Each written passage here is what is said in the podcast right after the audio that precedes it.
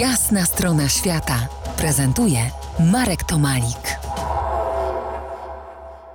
Po jasnej stronie świata Andrzej Kruszewicz, ornitolog, podróżnik, dyrektor warszawskiego zoo, współautor książki Planeta Bałtyk. Bałtyk już dwukrotnie był jeziorem, o czym już wspomnieliśmy w pierwszej części naszego spotkania. Czy stanie się nim wkrótce znowu i jak umieścić w czasie to wkrótce?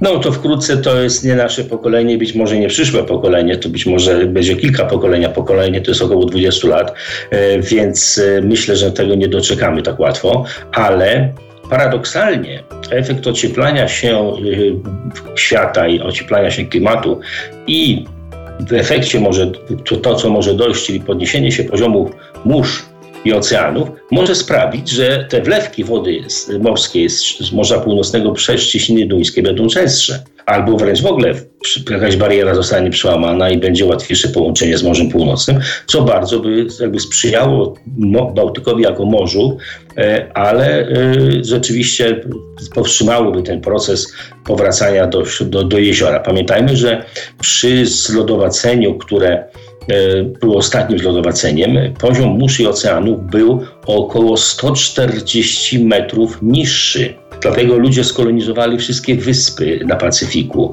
Dlatego ludzie skolonizowali Amerykę Północną. E, przeszli przez z Azji. E, to, to ten świat zupełnie inaczej wygląda. Jak się zobaczy taką masę, jesteś geologiem, więc pewnie widziałeś takie mapy, gdzie po prostu widać te tak. góry, wzgórze. Tak, to to samo co z, z Japonią. Japonia mogła być właśnie e, w czasie epoki lodowcowej.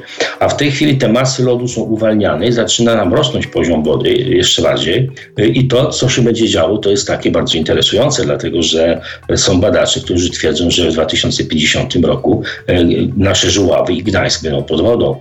Dobrze, a co można znaleźć e, w kropli wody, wody z Bałtyku? A no właśnie.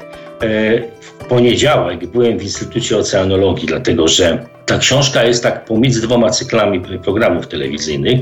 Ja się przygotowywałem do cyklu, który był jakiś czas temu, e, Żywy Bałtyk i pokazywaliśmy życie Bałtyku, organizmy, które w nim żyją.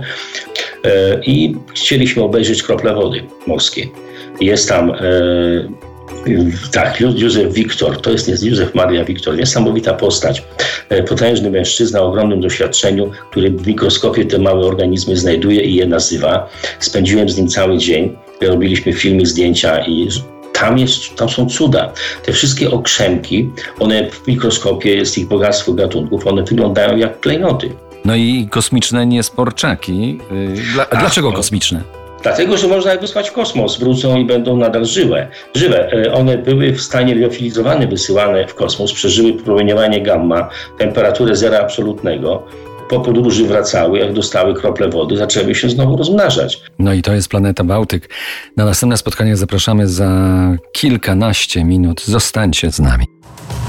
To jest jasna strona świata w RMS Classic.